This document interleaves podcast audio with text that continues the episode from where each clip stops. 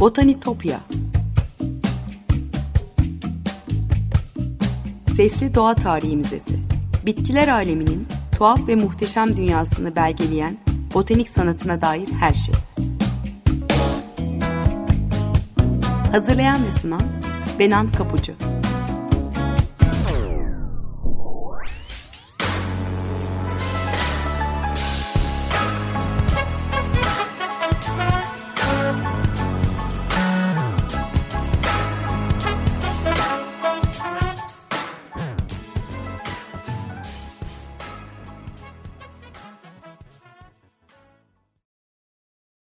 Merhaba sevgili Açık Radyo dinleyicileri. Botanitopya'ya, bitkiler aleminin tuhaf ve muhteşem dünyasına hoş geldiniz. Anlatıcınız ben Benan Kapucu. botanitopya.gmail.com elektronik posta adresinden ya da aynı adlı Twitter ve Instagram hesaplarından bana her zaman ulaşabilir. Anlattığım konuyla ilgili görüşlerinizi ya da varsa katkılarınızı paylaşabilirsiniz. E, burada anlattığım hikayeleri görsellerle ve linklerle e, bazen sosyal medya hesaplarım üzerinden destekliyorum. O yüzden takipte olursanız çok çok mutlu olurum. E, geçmiş kayıtlara ulaşmak isteyenler de oluyor. Onlar için tekrar hatırlatayım. Spotify'dan Açık Radyo Podcast üzerinden ulaşma şansınız var. Sevgili dinleyiciler bugün botanik kitaplığından seçtiğim bitkiler dünyasını farklı bir kavrayışla daha derinden inceleyen bize öğretebileceklerini fark etmemizi sağlayan kitaplardan bahsedeceğim. E, kimi nörobiyoloji, kimi edebi, kimi felsefi açıdan yaklaşıyor ama hepsi aynı sonuca ulaşıyor. Bütünsel varlığımız ve geleceğimiz için insan merkezli bakış açısını terk etmek ve dönüşüm için doğanın bize anlattıklarını dinlemek zorundayız.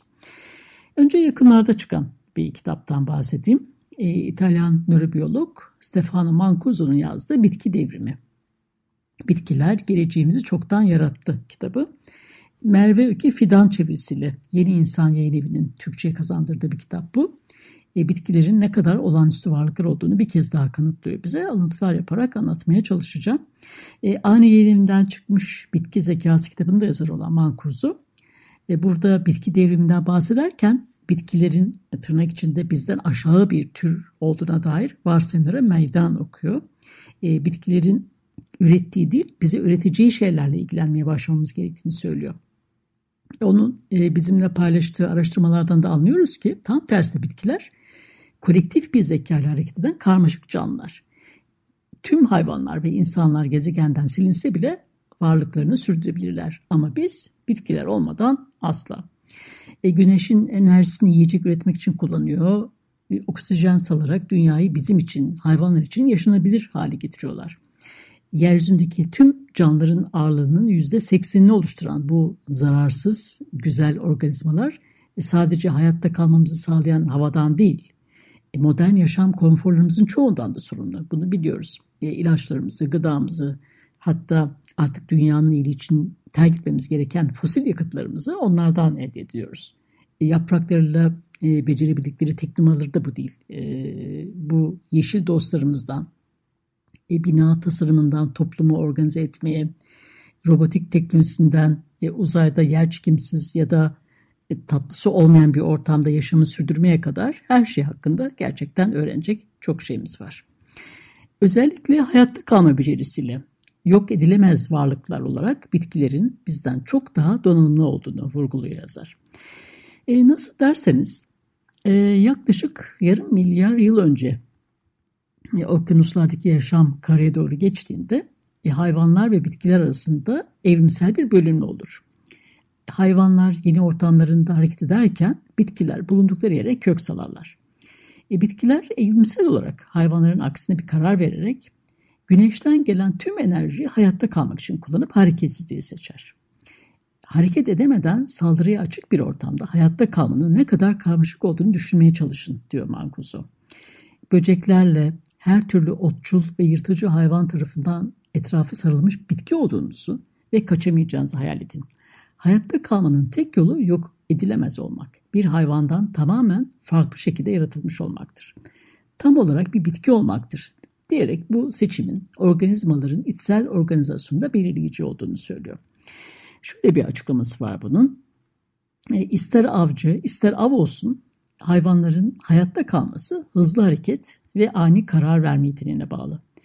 e, bizi tehlikeden, yırtıcılardan uzaklaştıracak hareket yeteneğine sahip olmak için biz hayvanlar evrim sürecinde e, sinir sistemi, dolaşım, solunum gibi hayati işlevlerimizi yerine getirecek e, beyin, kalp, akciğer gibi organlar geliştirmişiz.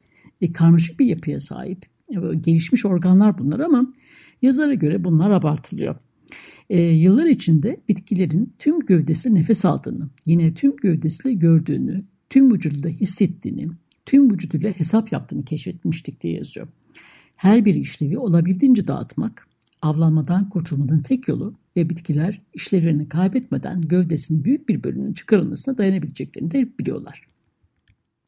E, bitkiler hareketsiz olduğundan e, tek tek organlar onların güçlü değil zayıflık noktaları olurdu.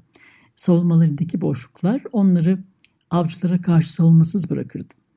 E, bitkiler bu yüzden solunum ve fotosentez gibi hayati işlevleri tüm organizma yayarak tüm gövdeleriyle nefes alıp beslenecekleri bir yaşam formuna evrilmişler. Bitkilerin beyinleri yoktur belki ama e, bu basit, merkezi olmayan yapı sayesinde çevrelerindeki zorlukların üstesinden gelmek için kendilerine iyi hizmet eden dağıtılmış bir zekanın tadını çıkarırlar. E, Mancoso'nun bahsettiği bir diğer konuda bitkilerin çevrelerine karşı son derece hassas canlılar olduğu. Işık, yer çekimi, nem, e, oksijen, ses, e, diğer bitkilerin varlığı ya da yakınlarda bir avcının olup olmadığı gibi bir dizi faktörü sürekli olarak izlediğine dair bir e, araştırmadan bahsediyor örneğin. E, küstüm otunun yani Mimosa pudica'nın e, 7 veya 8 denemeden sonra e, titreşimin gerçek bir tehdit olmadığı sonucuna varması, e, yaprakları açık tutması ve 40 gün kadar hafızasına tutması örneğinde olduğu gibi. E, bir beyine sahip olmayan canlılarda hafızanın işleyişini anlamak, e, bitkilerin nasıl hatırladığı konusundaki gizemi çözmenin yanı sıra hafızamızın nasıl çalıştığını, hangi mekanizmaların e, değişiklikler ve patolojilere yol açtığını ve özel formlarının sinir sistemi ötesinde nasıl bulunabileceğini anlamamıza yardımcı olurlar diyerek hafızanın biyolojisiyle ilgili hayal bile edemeyeceğimiz bir potansiyele sahip olduğunu söylüyor bize. E, biyo ilhamın e, hayvansı ya da böceksi robotlar, ahtapotun kıvrak zekası ve semenderlerin amfibik yaşam becerisi kadar e, bitki krallığından da ilham almak için çok iyi sebeplerin olduğuna inanıyor e, Stefano Mancuso.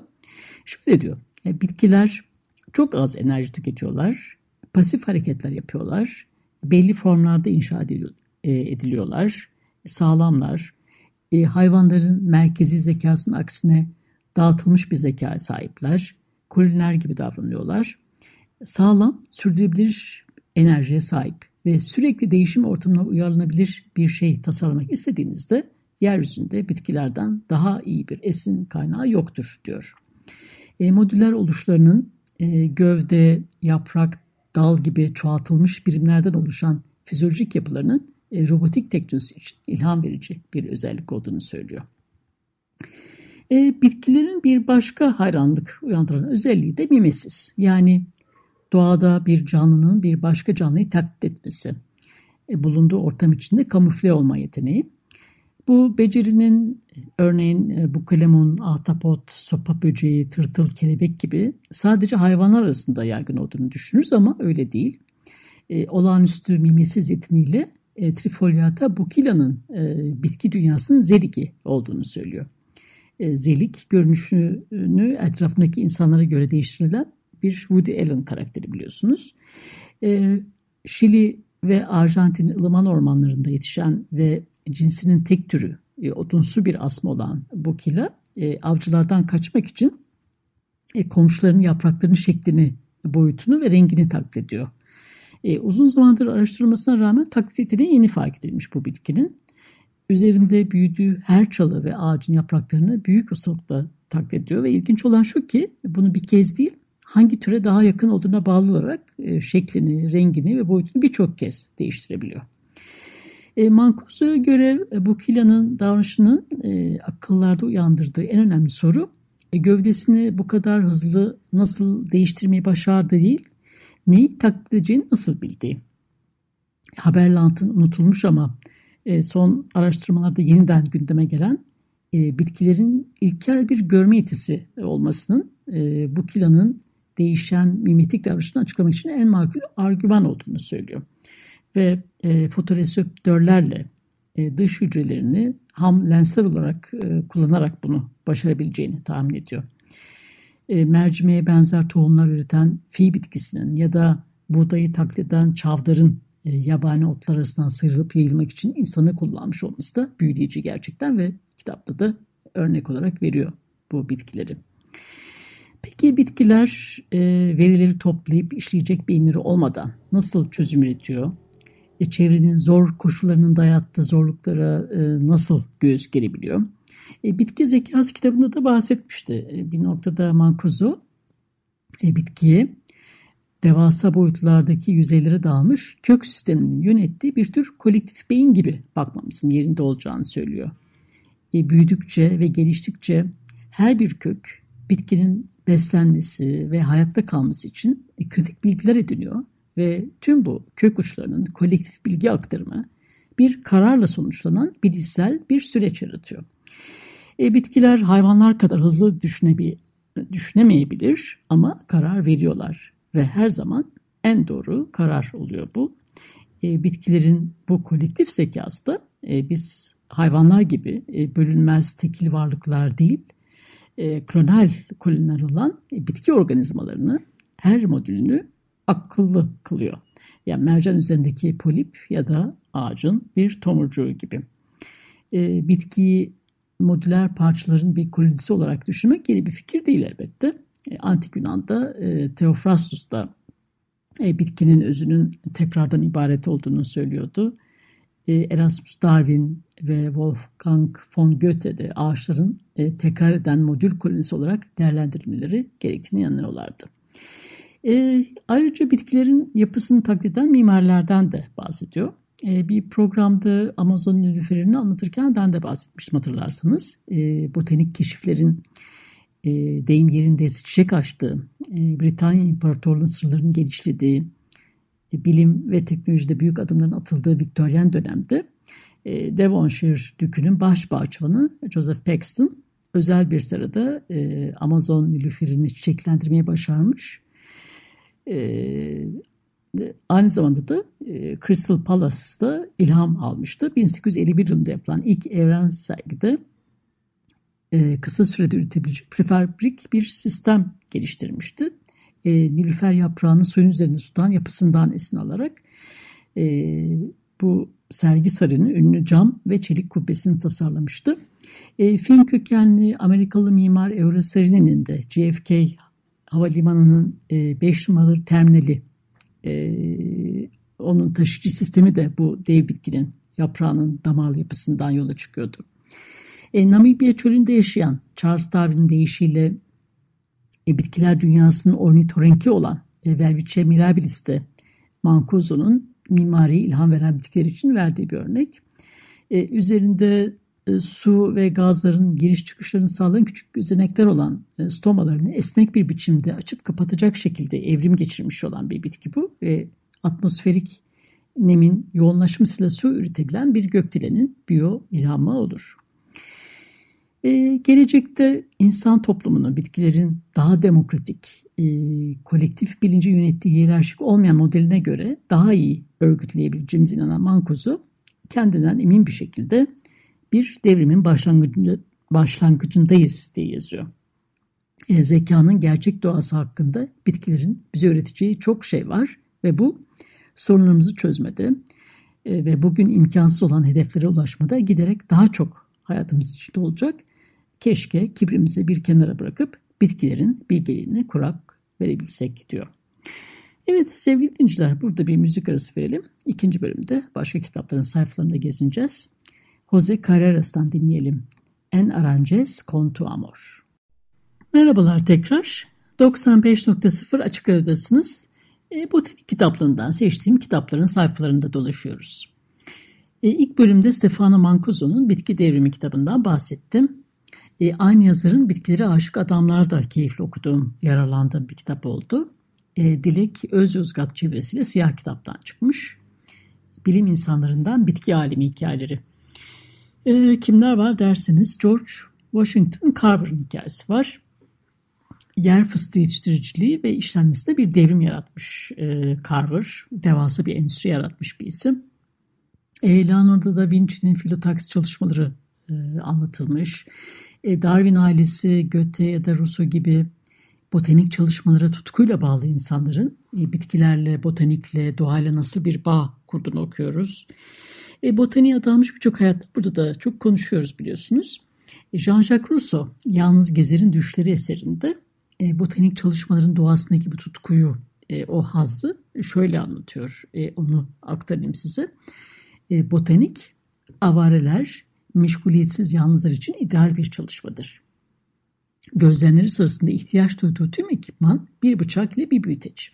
Bir nesneden diğerine geçerek özgürce etrafta dolaşır. Sırayla her bitkiyi ilgi ve merakla ele alır. Ardından bitki yapılarının yasalarını kavramaya başlar başlamaz gözlemlerinden sanki büyük bir emek harcamışçasına yoğun, zahmetsiz bir haz. Bu ideal mesleğin. Sadece tutkular tamamen yatıştığında hissedilebilen ancak hayatlarımızı keyifli ve mutlu kılmaya yeterli olan bir çekiciliği var. Evet, e, bahsetmek istediğim diğer kitapta e, Emmanuel Koçca'nın kaleme aldığı Kahveci'nin çevresiyle dilimize kazandırılan Bitkilerin Yaşamı Bir Karışım Metafiziği kitabı. İş Bankası Kültür Yayınları'ndan çıkmış. E, Koçça e, doğayı ve kozmosu genel terimlerle tartışan düşünce akımlarının aksine dünyayı anlamak için merkezi bitkileri koyuyor yine. Yaprakların, köklerin ve çiçeklerin bakış açısıyla insanın yaşamdaki yerini e, radikal bir şekilde yeniden tanımlamayı öneriyor. E, İtalyan kökenli Fransız bir felsefeci Koçça. E, onun botaniğe yönelmesi kendi deyişiyle Orta İtalya'nın tarım arazilerindeki küçük, izole bir kasabadaki bir tarım lisesinde bitkileri düşünerek geçirdiği gençlik yıllarına dayanıyor. E, yazar bitki varlığının e, dünya gezegenindeki merkeziyetini ve e, batı kültürünün onu tanımadaki isteksizliğini açıklığa kavuşturuyor kitabında. E, özne nesne, eylem ile tefekkür, e, hareket ile durağanlık, neden sonuç ve çelişkisizlik ilkesini bilgi felsefesi açısından değil bir kozmolojinin parçaları olarak sorgulamaya davet ediyor. E, bitkiyi ne fiziksel ne metafiziksel olarak kendisini ağırlayan dünyadan ayıramayız diyor. O dünyada olmanın en yayın, en köklü ve en paradigmatik biçimidir. E, bitkileri sorgulamak, dünyada olmanın ne demek olduğunu anlamaktır. Bitki, yaşamın dünya ile kurabileceği en sıkı ve en temel bağ vücut bulmuş halidir. Ters de doğrudur. Dünyayı bütünlüğü içinde gözlemek için en saf gözlem evidir. Güneşin veya bulutların altında, suya veya rüzgara karışan yaşamları, nesiller ile tözleri birbirinden ayırmayan bitimsiz bir kozmos gözlemidir. Veya başka türlü ifade edersek, dünya ile kaynaşmaya, tözüyle bir olmaya varıncaya kadar onun tüm nüanslarını kabul ederler. E, yazar varlığın bir paradigması olarak bitki olmanın, canlıların dolaşımı olarak yaşam kavramını açıkladığını, canlıların birincil hareket olan e, nefes ve fotosentez üzerinden varlığımızın kozmik ve göksel doğasını düşünmemiz gerektiğini söylüyor. E yine insanı merkezden çıkaran bir bakış açısı öneriyor kitap. Birçok dile çevrilmiş, ödül almış. E, bildiğimiz ve içinde yaşadığımız haliyle dünyayı bitkilerin yarattığını, hayal etmekte ve akıl yürütmekte esas ustaların bitkileri olduğunu söylüyor. E, gündelik yaşamdan, e, felsefeden ve bilimden yola çıkarak bakış açımızı nasıl dönüştürmemiz gerektiğini e, bize söylüyor. O konuda bize yol gösteriyor. E, felsefe ilgi duyanlar için önerebileceğim bir başka kitap daha var. Daha önce kimin programlarda da e, bahsetmişimdir. Esra bir kanın çevirisiyle can elinden çıkmış. Bahçede Felsefe kitabı. E, yazarı Avustralya'nın genç kuşak felsefecilerinden Damon Young.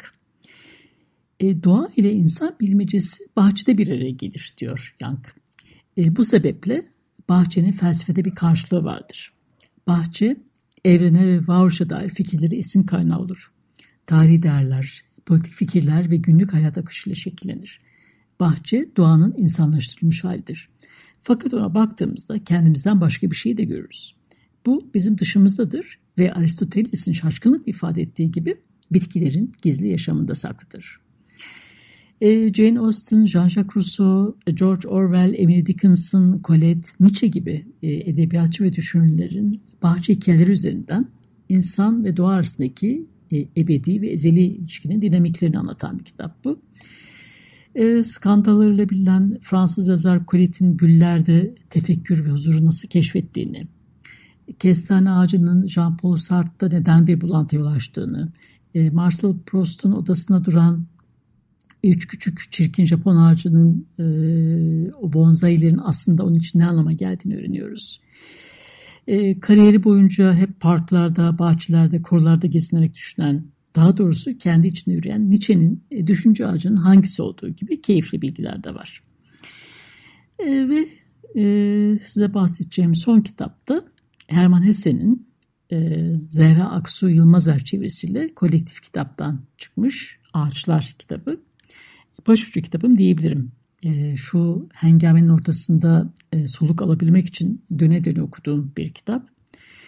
E, kara ormanları, asırlık kestaneleri, huş ağaçlarını, budanmış meşeleri, onların grotesk biçimlerini, encelikli bir dilini anlatıyor. E, ağaçlarla konuşmayı, onları dinlemeyi bilen hakikati öğrenir diyor yazar ve şu nefis cümlelerle başlıyor kitaba. Ağaçlar hep en etkileyici vaizler olmuştur benim için. Ormanlar ve korularda halklar ve aileler halinde yaşayan ağaçlara hayranım ben. Tek başına duran ağaçlara daha da hayranım. Yalnız insanlar gibidir onlar. Şu ya da bu zaaftan ötürü sıvışıp giden müzeviler gibi değil. Yalnızlaşmış büyük insanlar gibi. Beethoven ve Nietzsche gibidirler. Tepelerinde uğurlar dünya.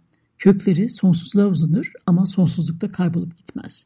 Var güçleriyle tek bir şey için, onlara özgü, onlarda içkin yasa yerine getirmek, büyüyüp serpilmek, varlıklarını ortaya koymak için çabalarlar. Hiçbir şey daha kutsal, hiçbir şey daha mükemmel değildir güzel, güçlü bir ağaçtan. Ağaçların düşünceleri uludur. Uzun soluklu ve sakin. Ömürlerinin de bizimkinden daha uzun olması gibi. Onları dinlemediğimiz sürece bizden daha bilgidir ağaçlar. Ama onlara kulak vermeyi öğrendiğimizde düşüncelerimizin tam da o uçuculuğu, o çocuksu telaşı benzersiz bir coşku kazanır. Ağaçları dinlemeyi öğrenen ağaç olmayı arzulamaz artık. Kendisi dışında başka bir şey olmayı arzulamaz. Yurt budur, mutluluk budur. Evet sevgili dinleyiciler, bitkiler yoluyla hem dünyayı hem kendimizi anlayabileceğimizi söyleyen kitapların sayfalarında dolaştık bu kez. Bu Dinitopya'daki keşif yolcumuz bu hafta buraya kadar. Butonitopya adlı Twitter ve Instagram hesaplarından her zaman buna ulaşabilir, yorumlarınızı ve katkılarınızı paylaşabilirsiniz. Program destekçilerime gönülden teşekkürlerimi iletiyorum buradan. Bir daha görüşünceye dek sevgiyle ve doğayla kalın.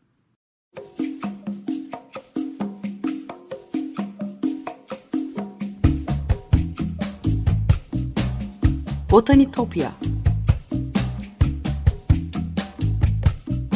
Sesli Doğa Tarihi Müzesi Bitkiler aleminin tuhaf ve muhteşem dünyasını belgeleyen botanik sanatına dair her şey. Hazırlayan ve sunan Benan Kapucu